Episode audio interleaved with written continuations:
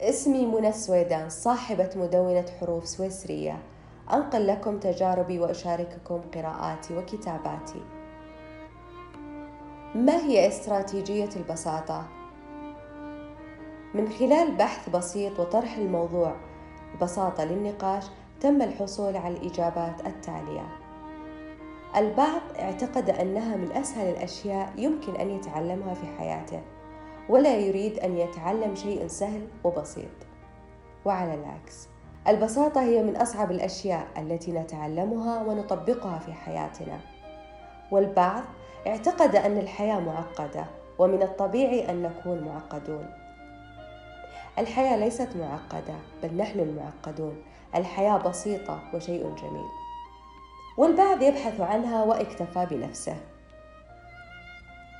موضوعنا اليوم البساطة.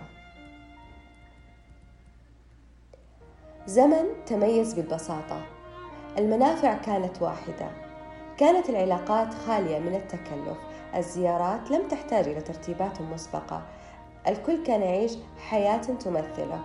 الكل لديه ذائقته الخاصة. زمن أطلقنا عليه زمن الطيبين. الزمن الذي تميز ببساطة البشر.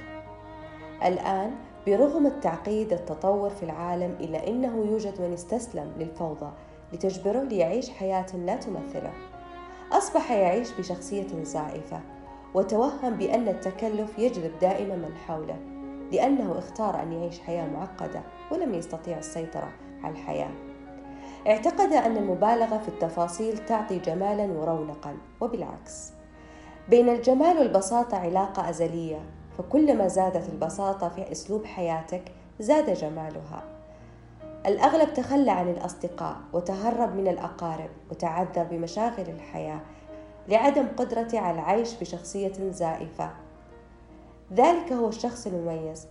هو الشخص الذي استطاع أن يطبق استراتيجية البساطة في حياته وهو الشخصية المحبوبة لدى الكل وذلك لتبسيطه للأمور ووضوح شخصيته.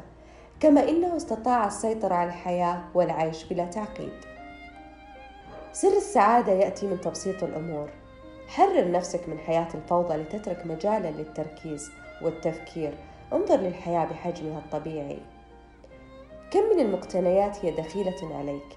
امتلكتها لاعتقادك أنها تحقق لك السعادة. وبالعكس كانت عائق لا معنى ولا قيمة له. اخرج بمعادلة بسيطة. تساعدك أن تعيش الحياة بشكل أبسط وغير معقد. دائما ما نسمع انتقادات موجهة للشخص البسيط ومن أهمها على نياته. البساطة ذكاء إنساني البساطة فن من فنون السعادة. أيهما تفضل؟ أن تستمع إلى فكرة معقدة أم إلى فكرة مبسطة؟ الفكرة المبسطة بكل تأكيد. الفكرة المعقدة تقتل الموضوع. إذا أردت أن تقتل موضوعا اجعله معقد. يكون كالسلك الدقيق المتشابك يصعب عليك فك شباكه. وهنا كان سر عبقرية نيوتن أينشتاين ستيف جوبز كانت على قدرتهم في تبسيط الأمور. التعقيد في أسلوب حياتنا صفة وليس ذكاء. البساطة هي الوجه الآخر للعبقرية. ابدأ بالتدريب بنفسك بالتخلص من الأشياء التي لا تحتاج إليها في مكتبك أو في منزلك. وانظر مدى شعورك بالراحة بعد ترتيب المكان. ومن هذا التدريب البسيط إذا ساعد في مسح الفوضى ابدأ بتطبيقها في حياتك الشخصية والعملية لتصل لهدفك والعيش بحياة بسيطة غير معقدة. كل ما في الحكاية اشتاقت أرواحنا للبساطة. لا نحتاج كل هذا التصنع والتحديث لكل شيء. كل فكرة مشرقة وكل شعور متألق يأتيان من وعيك الجميل البسيط الطبيعي. فن السعادة يتطلب أن تعود لبساطتك وتستجيب للنداء. تخلى عن كل ما لا تحتاجه وعش بصدق. وفي النهاية الحياة عبارة عن تحولات طبيعية عفوية ليس من المنطق مواجهة التحولات بالتعقيد والتكلف.